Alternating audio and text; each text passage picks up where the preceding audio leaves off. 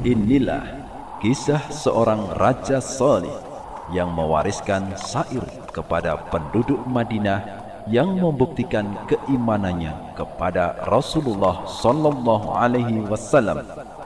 Bagaimana kisahnya? Simaklah dalam kisah dengan judul Sair Raja Tuba.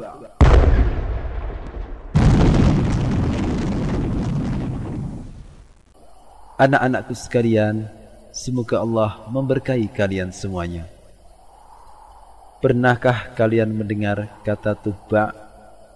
Kaum Tuba adalah sebuah kaum yang dibinasakan oleh Allah Subhanahu wa taala.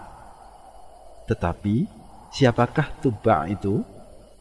Tuba adalah gelar bagi penguasa Yaman, seperti Kisra adalah gelar untuk raja Persia dan kaisar adalah gelar untuk raja Romawi. Tubba pada waktu itu bernama As'ad Abu Quraib bin Malkai Karib al-Yamani. Dia mengikuti agama Nabi Musa alaihissalam, yakni Yahudi, dan mendakwahi rakyatnya. Saat itu, agama Nabi Musa alaihissalam masih murni seperti ajaran Nabi Musa alaihissalam Tubba pernah singgah di Mekah.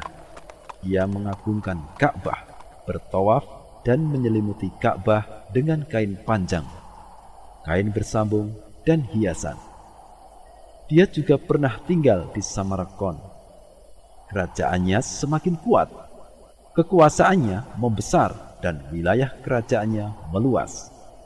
Dialah yang membangun kota Hirah. Ibnu Asakir rahimahullah menerangkan, Tuba ini seorang raja di Damsik. Dia menjadi raja selama 326 tahun. Di kota Himyar tak pernah ada yang memegang kekuasaan lebih lama dari dia. Ia wafat 700 tahun sebelum Rasulullah Sallallahu Alaihi Wasallam diutus. Tuba mempunyai beberapa akhbar, yakni ulama agama Yahudi. Para akhbar itu memberitakan kepadanya bahwa kota Madinah akan dihijroi oleh nabi akhir zaman yang bernama Ahmad. Maka ia menggubah sair dan menitipkannya kepada penduduk Madinah. Penduduk Madinah menjaga sair Raja Tuba dan senantiasa mewariskan syair itu dari generasi ke generasi. Salah seorang yang hafal syair tersebut adalah Abu Ayyub Khalid bin Zaid, orang yang rumahnya pernah disinggahi Rasulullah sallallahu alaihi wasallam.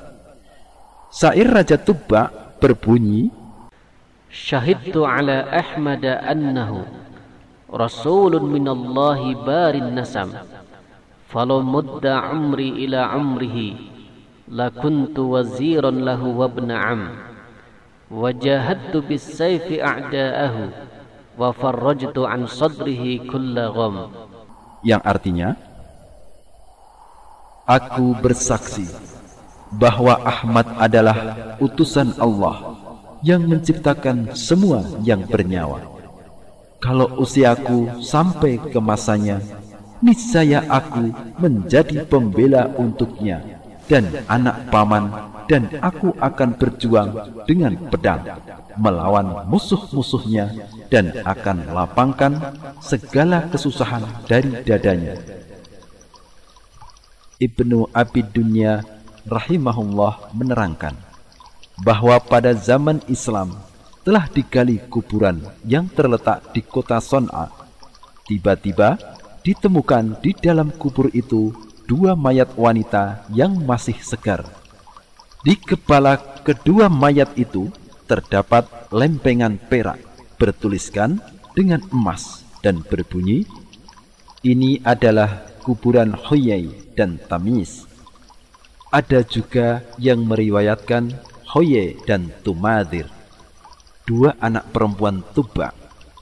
Keduanya meninggal dalam keadaan bersaksi bahwa tiada sesembahan yang benar kecuali Allah semata. dan keduanya tidak menyekutukan Allah dengan sesuatu apa pun. Menurut riwayat Ibnu Asakir, Aisyah radhiyallahu anha pernah mengatakan, "Janganlah kalian mencaci Tuba karena dia adalah seorang lelaki yang solih. Dia benar-benar telah berhaji di Baitullah di masa orang-orang Jurhum berkuasa dan menutupi Ka'bah dengan kain bersambung, kain panjang, dan hiasan. Dia berkorban sebanyak 600 ekor unta. Dia mengagungkan Baitullah dan memuliakannya.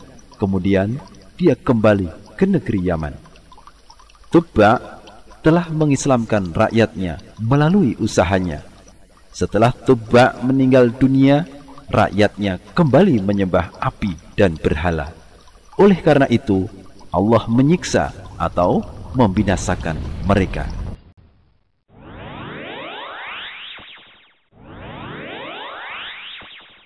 Adik-adikku sekalian yang soleh dan solihah, sekarang kita akan bersama-sama menyimak faidah-faidah dari kisah syair Raja Tuba. Faidah yang pertama, bahwa di zaman dahulu kala itu juga ada orang-orang yang soleh adik-adik sekalian, seperti Raja Tuba tadi. Jadi Raja Tuba itu hidup sebelum zamannya Rasulullah Shallallahu Alaihi Wasallam. Kemudian faidah yang kedua bahwa usia orang-orang zaman dahulu itu jauh lebih lama dibandingkan orang-orang sekarang. Usia orang-orang zaman dahulu bisa mencapai ratusan tahun adik-adik. Tetapi orang-orang di zaman sekarang usianya hanya sekitar sampai 100 tahun, 90 tahun. Tetapi pada zaman dahulu bisa berumur 200 tahun, 300 tahun. Berikutnya faedah yang ketiga, kita bersaksi bahwa Nabi Muhammad Shallallahu Alaihi Wasallam adalah hamba dan utusan Allah Subhanahu Wa Taala. Sebagaimana persaksian Raja Tuba di dalam syairnya. Selanjutnya dari sekalian, faidah yang keempat, Allah Subhanahu Wa Taala akan menjaga orang-orang yang soleh. Allah Subhanahu Wa Taala akan menjaga orang-orang yang soleh, sebagaimana Raja Tuba dan kedua putrinya. Kemudian faedah yang terakhir ada di sekalian, faedah yang kelima, Allah Subhanahu wa taala itu pasti akan memuliakan orang-orang yang soleh di dunia maupun di akhirat. Maka kita berdoa kepada Allah Subhanahu wa taala semoga kita menjadi anak-anak yang soleh dan solehah. Amin ya rabbal alamin.